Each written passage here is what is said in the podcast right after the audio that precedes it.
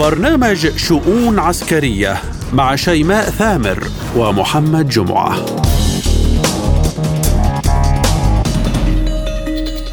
ملفات عسكرية وشؤون جديدة من وكالة سبوتنيك الإخبارية بموسكو. نتناوب على تقديمها لكم أنا شيماء ثامر. وأنا محمد جمعة ونستهلها بالعناوين. بايدن يستعد لسيناريو أفغاني في أوكرانيا ومسؤولون أمريكيون يستبعدون نجاح الأخيرة بهجوم مضاد. العاهل الأردني وأمين عام الناتو يبحثان تطوير الشراكة الاستراتيجية بين الجانبين. واشنطن وسيول تتصدران تحذيرا نوويا لكوريا الشمالية. الشماليه الرد سيكون سريعا وساحقا.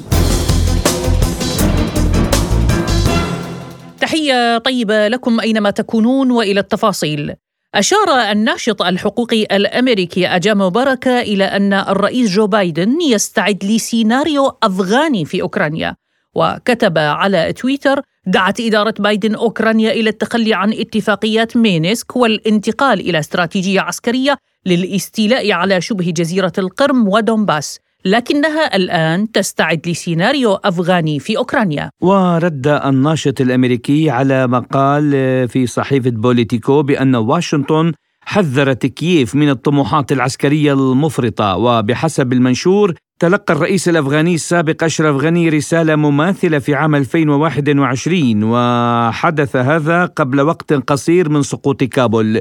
أعلنت السلطات الأوكرانية في وقت سابق عن خطط للاستيلاء على شبه جزيرة القرم. في وقت أفادت فيه صحيفة بوليتيكو نقلا عن مصادر مطلعة بأن بعض المسؤولين الأمريكيين يعتبرون أن القوات الروسية متحصنة في أوكرانيا لدرجة أن هجوم قوات كييف المضاد محكوم عليه بالفشل. وقال مسؤول أمريكي متحفظا على ذكر اسمه: لا أعتقد أننا سنستيقظ ذات صباح ونرى أوكرانيا كيف تتقدم على مساحات شاسعة من الأراضي. بالتأكيد لا. وأشارت الصحيفة إلى أنه خلال زيارة مسؤولين أوكرانيين إلى واشنطن الأسبوع الماضي أبلغهم ممثلو إدارة الرئيس الأمريكي جو بايدن أن الضمانات بأن الولايات المتحدة ستكون مستعدة لتقديم كييف خلال قمة الناتو في يوليو ستعتمد على نتيجة الهجوم المضاد. بهذا الصدد شدد الكرملين مرارا وتكرارا على أن شبه جزيرة القرم هي جزء لا يتجزأ من روسيا وأن المطالبات بالأراضي الروسية ستتلقى ردا مناسبا. ليبقى السؤال هل بايدن بالفعل جاهز لسيناريو أفغاني في أوكرانيا؟ ولماذا قوات كييف عاجزة عن القيام بهجوم مضاد؟ هذا الهجوم الذي طبل له الإعلام الغربي. للحديث عن هذا الموضوع ينضم معنا عبر الهاتف من سوريا الخبير العسكري الاستراتيجي العميد علي مقصود. أحييكم سيادة العميد بشؤون عسكرية وأشكرك على قبول الدعوة بداية سيادة العميد.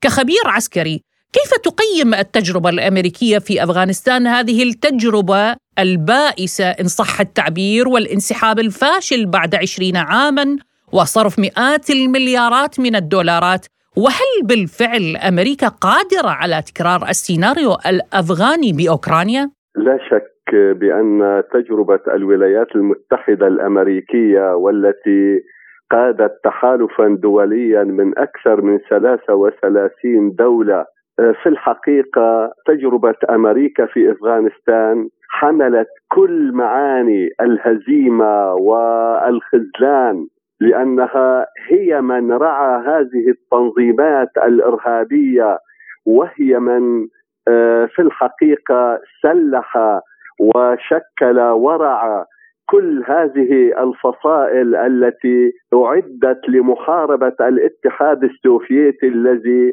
كان متواجدا في أفغانستان في الحقيقة لنقل هذا المجتمع من حالة القبلية والعشائرية والطائفية التي كانت تسود آه، في أفغانستان بسبب آه، أنها كانت تابعة للغرب الاستعماري وبالتالي عمل على أن تبقى متخلفة في كل الميادين لأن لها موقع استراتيجي يطل على الصين وعلى إيران وعلى آه، الاتحاد السوفيتي سابقا. ولذلك عندما تكون هذه يعني هذه الصيغة التي آه، أدت إلى هزيمة الاتحاد السوفيتي باعتبار أن الدول العربية والدول الإسلامية في الحقيقة تحت شعار وعنوان محاربة آه، الإلحاد والشيوعية الكافرة استطاعت في الحقيقة أن تجيش هؤلاء الجهاديين آه، من كل الأصقاع وترسلهم إلى أفغانستان لمواجهة الاتحاد السوفيتي وفي الحقيقة نعم كان لانسحاب الاتحاد السوفيتي من أفغانستان آه، تداعيات خطيرة على انهياره وتفككه. لذلك أنا أقول بأن هذا آه، الوجود الذي كان له مرتكزات في الحقيقة وتمويل ودعم بل تحالف من كل الدول الإسلامية والعربية. أنا أقول بأن هذه الهزيمة التي قام آه، يعني بتنفيذها الرئيس الأمريكي في الحقيقة لم تأتي آه، من عبث. ولكن آه، هذا الوجود في الحقيقة اصطدم بتنامي قوى يعني مناهضة للوجود الأمريكي ولأن أمريكا دائما تقوم على السرقة واللصوصية ولذلك هذه الشعوب آه، إذا كانت في لحظة الغفلة قد جيشت وبالتالي تحت عنوان الجهاد للانتصار للإسلام ومحاربة الكفر بانت هذه الحقائق وبدأت الصين في الحقيقة آه، توصل لهم كل يعني المساعدات الحقيقية. ولذلك آه، عندما أعلن الرئيس الأمريكي عن هذا الانسحاب كان في الحقيقة نتيجة انهيار المشروع الأمريكي في أفغانستان وأيضا في العراق. أي أن أمريكا التي أعلنت عن محاربة الإرهاب وذهبت إلى أفغانستان ومن ثم إلى العراق. في الحقيقة هي آه، حملت الإسلام هذا المشروع الذي أرادت أن تهيمن على العالم لأن الولايات المتحدة الأمريكية بعد حرب الخليج الثانية التي أسمتها حرب تحرير الكويت هيمنت وسيطرت على ثروات الشرق الأوسط وخاصة أنها وضعت يدها على صنابير النفط في الخليج وأرادت أن تستكملها في احتلالها للعراق أيضا عبر هذا التحالف آه، الغربي الاستعماري. فلذلك هذا المشروع في الحقيقة كانت مواجهته من قبل الدول الصاعدة التي ارتضت وانحنت أمام هذه اللحظة لأن أمريكا في الحقيقة استطاعت أن تسيطر على منطقة الشرق الأوسط وبالتالي آه، أن تذهب آه، بناء على آه، مؤتمر ميونخ بكانون الأول عام ال 91 يعني بنهاية حرب الخليج الثانية عندما حددوا العدو المحتمل مستقبلا بعد تفكك وانهيار الاتحاد السوفيتي. ففي الحقيقة ظهر ثلاثة تيارات. تيار يقول بأن روسيا التي ورثت الاتحاد السوفيتي ستكون هي العدو المستقبلي. وتيار آخر قال بأن آه، الإسلام أي بسقوط العدو الأحمر سيكون هناك عدوا أخضر وهو الإسلام. وتيار ثالث قال بأن الصين ستكون هي العدو المستقبلي.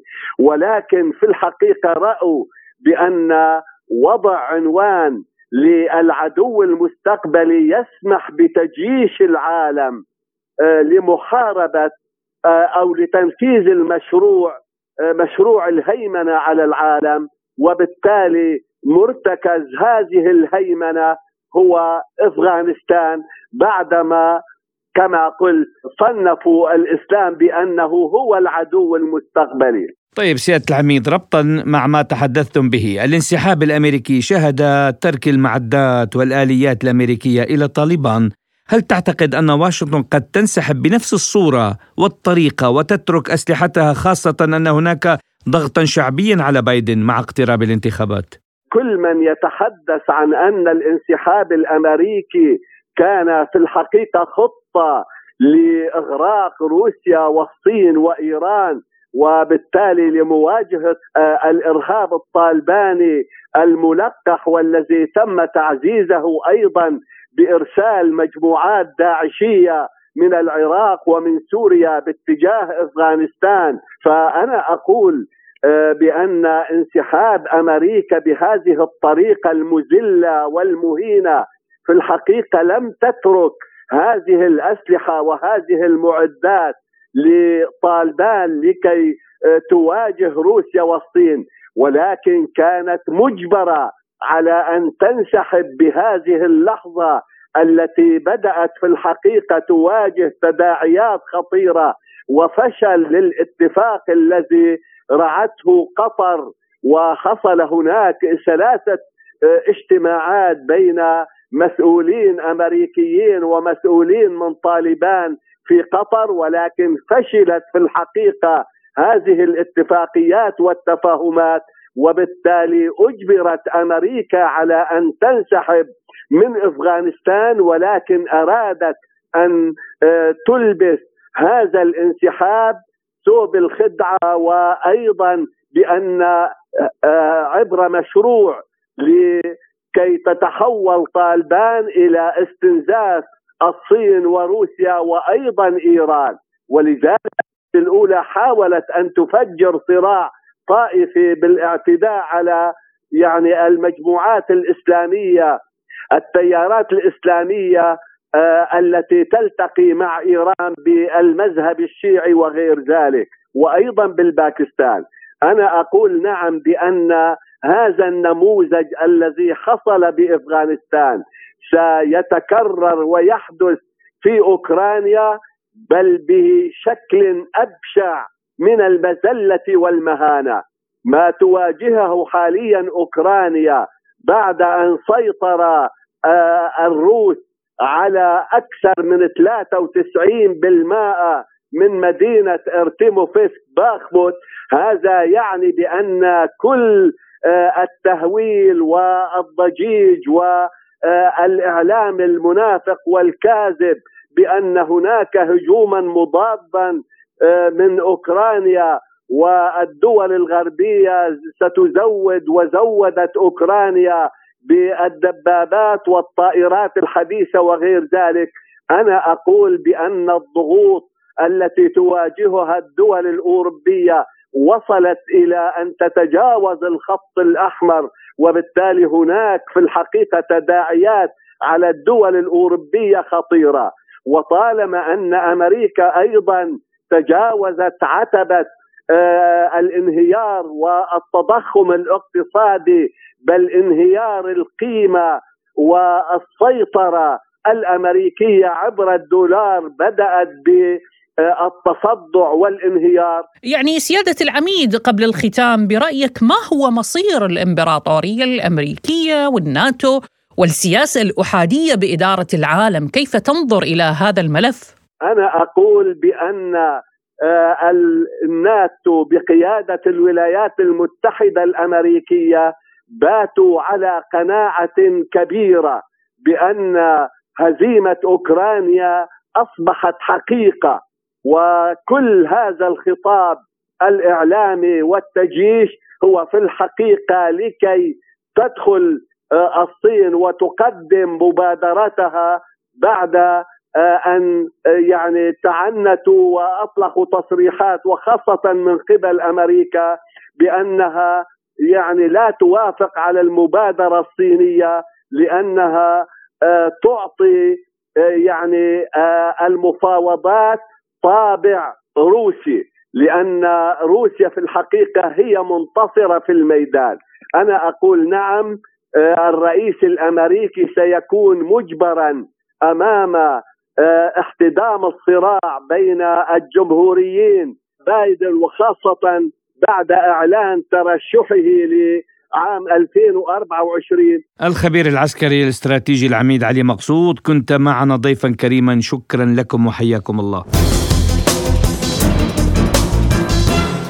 وإلى الأردن. بحث العاهل الأردني الملك عبد الله الثاني وأمين عام حلف شمال الأطلسي الناتو تطوير الشراكة الاستراتيجية بينهما. أكد الجانبان على عمق التعاون بين الأردن وحلف الناتو خاصة في مجالات مكافحة الإرهاب والتدريبات العسكرية ومجالات عسكرية مختلفة. وبحث الجانبان عددا من القضايا الإقليمية والدولية وأبرزها القضية الفلسطينية بحسب الوكالة التي أشارت إلى أنهما أكدا أهمية مواصلة التشاور والتنسيق بينهما في مختلف المجالات. للحديث أكثر عن هذا الموضوع نستقبل معنا عبر الهاتف من الأردن الباحث السياسي الأستاذ عامر السبايلة. أهلا بكم أستاذ عامر بشؤون عسكرية وأبدأ معك من مباحثات العاهل الأردني الملك عبد الله الثاني وأمين عام حلف شمال الأطلسي لتطوير الشراكة الاستراتيجية بين الجانبين. يعني برأيك إلى أي مدى تصل هذه الشراكة الاستراتيجية للأردن مع حلف شمال الأطلسي؟ يعني أولا آه، لا أعتقد أن هناك متغيرات حقيقية في العلاقة الأردن يعد من أبرز حلفاء حلف شمال الأطلسي يعد نقطة مهمة بالنسبة لحلف شمال الأطلسي وتعلم تماما أنه يعني ترقى في السنوات الماضية آه، الأردن ليصل إلى أو يتمتع بكل مزايا غير الأعضاء في حلف شمال الأطلسي. وبالتالي يعني آه، ما يحصل عليه الأردن في علاقته مع حلف شمال الأطلسي آه، قديمة راسخة. وباعتقادي إنه هذا الاتصال يعني يؤكد على هذه الجزئية. ولكني لا أعتقد أن هناك شيء جديد لافت باعتبار أن الأردن قد وصل إلى أعلى مستويات آه، الحلفاء من خارج أعضاء هذا الحلف. أستاذ عامر برأيك يعني هل سيعاد تفعيل ما أعلن عنه العاهل الأردني العام الماضي بخصوص تأييده إنشاء حلف ناتو الشرق أوسطي؟ لا أعتقد أن هناك خلط كبير في هذه الجزئية أولا ليس هناك أي أرضية لفكرة حلف شمال اطلسي أو ناتو شرق أوسطي مختلف تماما ولا يمكن حتى المقارنة واستخدام المصطلح لا يخرج عن كونه يعني أقرب إلى الصيغة الصحفية منه إلى الصيغة آه، العملياتيه، لا يمكن تشكيل اليوم أي تحالف في الشرق الأوسط على أساس يشابه حلف شمال الأطلسي، الشيء الوحيد الذي يمكن تفعيله آه، هو عبر شراكات مع الولايات المتحدة وحلف شمال الأطلسي في موضوع مكافحة الإرهاب أي التحالف الدولي في مكافحة الإرهاب أو مكافحة داعش. لكن الجزء الآخر لا نستطيع أن نخلط بين هذا المسمى وإمكانية تشكيل مسمى مشابه. لا يوجد هناك قاعدة أيديولوجية في المنطقة متوافق عليها. يمكن أن تسمح لأعضاء في هذه المنطقة أن يتحالفوا بهذه الصيغة أو أن يطوروا جيش موحد لمواجهة حتى لمواجهة التحديات حتى لو كانت الأخ الأخطار التي تواجهها الدول هي نفسها في النهاية، لكن ليس هناك أرضية حقيقية اليوم في هذه المنطقة لتشكيل أي فكرة لتحالف يعني يشابه آه، صيغة تحالف حلف شمال الافريقي. طيب أستاذ عامر مع هذا التوافق بين الأردن والحلف السؤال الذي يطرح نفسه ما الذي يمكن أن يقدمه الأردن لحلف شمال الأطلسي؟ يعني هو الأردن بالنسبة لحلف شمال الأطلسي محطة مهمة وشريك في كثير من الأمور، شريك أيضا محطة لوجستية مهمة وباعتبار أنه آه، معظم التحديات في هذه المنطقة التي تمس أيضا حلف شمال الأطلسي دول حلف شمال الأطلسي الأردن شريك أساسي بذلك وعلى أعتقد انه هناك شيء جديد يمكن أن يقدمه الأردن عوض يعني عن ما يقدمه حاليا، هو شريك ومحطة لوجستية مهمة ويعتبر اليوم يعني من أحد أهم شركاء حلف شمال الأطلسي خارج آه، هذا الحلف. طيب لو أن أخذنا بالمثل الذي يقول صديق عدوك هو عدوك برأيك أستاذ ألن يثير هذا التقارب للأردن مع الناتو قلق روسيا؟ ولا سيما أنه في سوريا تتواجد القوات الروسية. يعني هذا السؤال لو كان هذا شيء جديد يعني هذا تاريخيا الأردن حليف لحلف شمال الأطلسي ويحتوي قواعد أمريكية وقواعد ألمانية وقواعد فرنسية وهو يعني آه، غير آه، يعني هذا شيء معلن أنه حليف تاريخي لحلف شمال الأطلسي وبالتالي لا أعتقد انه هذا اليوم آه، يسبب أي نوع من أنواع القلق لأنه هذا أمر طبيعي يتعايش معه الجميع ومعروف للجميع منذ قبل وصول القوات الروسية إلى سوريا، لهذا لا أعتقد أنه مثل هذه المكالمة أو مثل هذا الحديث عن دور الأردن يمكن أن يشكل أي قلق بالنسبة لروسيا لأنه في النهاية روسيا تعلم طبيعة ودور الأردن وطبيعة علاقته سواء مع الولايات المتحدة أو مع حلف شمال الاطلسي. من الأردن الباحث السياسي الأستاذ عامر سبايله كنت معنا ضيفا كريما في شؤون عسكرية، شكرا لكم وحياكم الله. أعاد رئيسا الولايات المتحدة وكوريا الجنوبية تأكيد تحالفهما واتفقا على استئناف زيارات الغواصات المسلحة بالأسلحة النووية إلى الموانئ والتهديد برد سريع وساحق وحاسم على أي هجوم نووي من كوريا الشمالية بما في ذلك الرد بالمثل من قبل الولايات المتحدة. وقال الرئيس الكوري الجنوبي يون سوكيول إن الرد يشمل الأسلحة النووية الأمريكية موضحا جانبا من الحلف الذي آه، يبقى عادة غير معلن.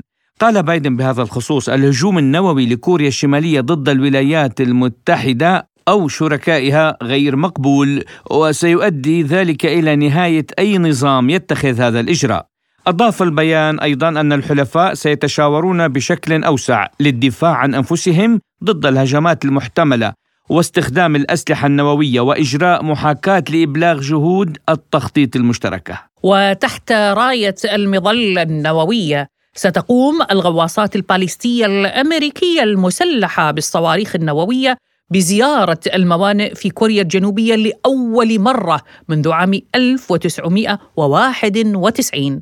للحديث أكثر عن هذا الملف ينضم معنا عبر الهاتف من واشنطن الخبير بالشأن الأمريكي الدكتور نصير العمري أهلا بكم دكتور نصير معنا بشؤون عسكرية أبدأ معكم دكتور من التحذير النووي من قبل واشنطن وسيول لكوريا الشمالية بأن الرد سيكون سريعا وساحقا. يعني ما الذي أفاض الكأس الآن حتى يطلق مثل هكذا تصريح دكتور؟ يعني هي تهديدات كوريا الشمالية متوالية ومتسارعة. والتهديدات لا تتوقف. هناك مخاوف من أن الضغوط الداخلية في كوريا الشمالية على النظام والضغوط الدولية على داعمي النظام قد قد تقود إلى تغير في الموقف الإقليمي والدولي. فالولايات المتحدة تريد أن ترسل رسالة آه، إلى نظام كوريا الشمالية بأن أي أخطاء أخطاء يعني أمنية سيتم الرد عليها بقوة وهذا أيضا آه، يعني يأتي في سياق طمأنة كوريا الجنوبية بأن الولايات المتحدة ملتزمة أيضا بأمنها. الآن الغواصات البالستيه الأمريكية المسلحة بالصواريخ النووية تقوم بزيارة للموانئ في كوريا الجنوبية.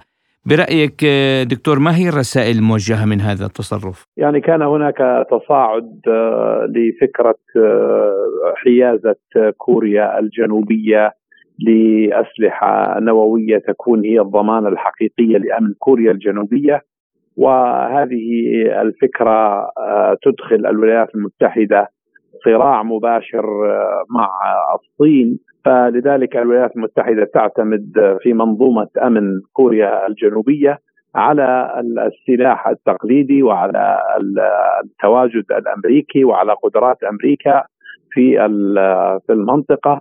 فهذه رسالة طمأنة لكوريا الجنوبية بأن التغيرات الإقليمية والتغيرات الدولية لن تؤثر على التزام الولايات المتحدة بأمن كوريا الجنوبية خاصة أن هناك تزايد لقدرة لقدرات الصين الاستراتيجية وهذه هي رسالة الطمأنة من الأمريكي لحليفه في كوريا الجنوبية دكتور الرئيس الأمريكي جو بايدن أكد مجددا التزام واشنطن بالردع الموسع تجاه كوريا الجنوبية برأيك كيف سيكون هذا الرد؟ يعني الولايات المتحدة تعلم بأن هناك توازن دقيق في آسيا بشكل عام هناك احترام طبعا لقدرات الصين وهناك احترام لمناطق هيمنة الصين. ولكن نرى أن الولايات المتحدة أيضا اتخذت إجراءات في علاقاتها مثلا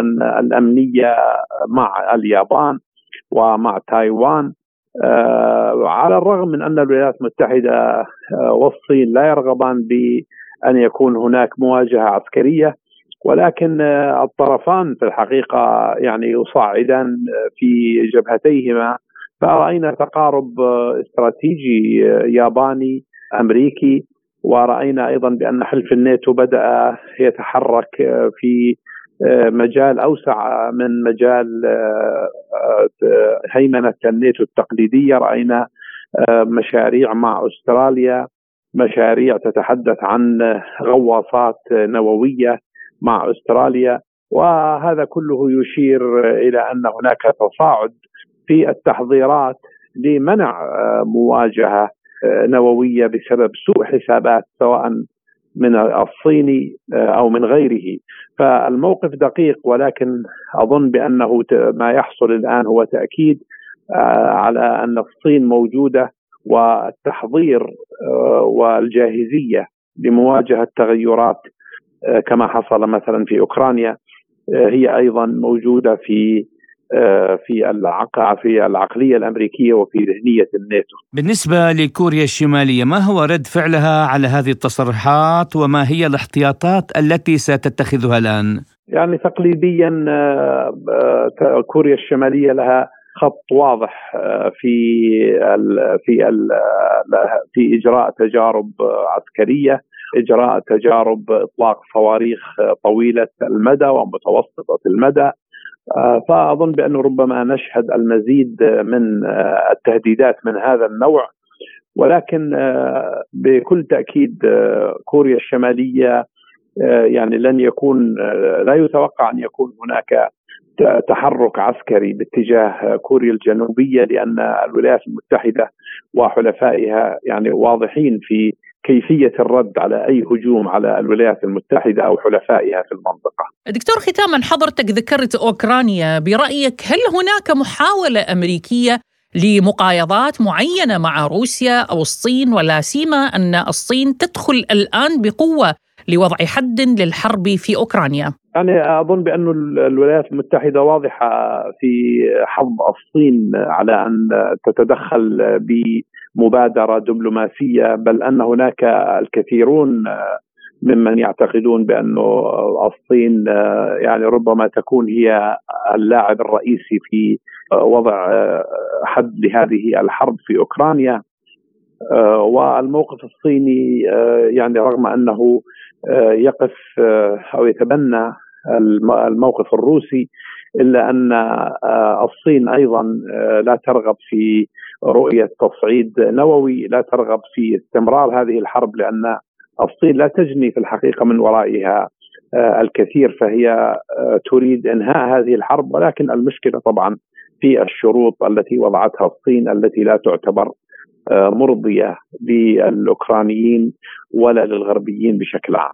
الخبير بالشأن الأمريكي الدكتور نصير العمري كنت معنا ضيفا كريما في شؤون عسكرية شكرا لكم وحياكم الله.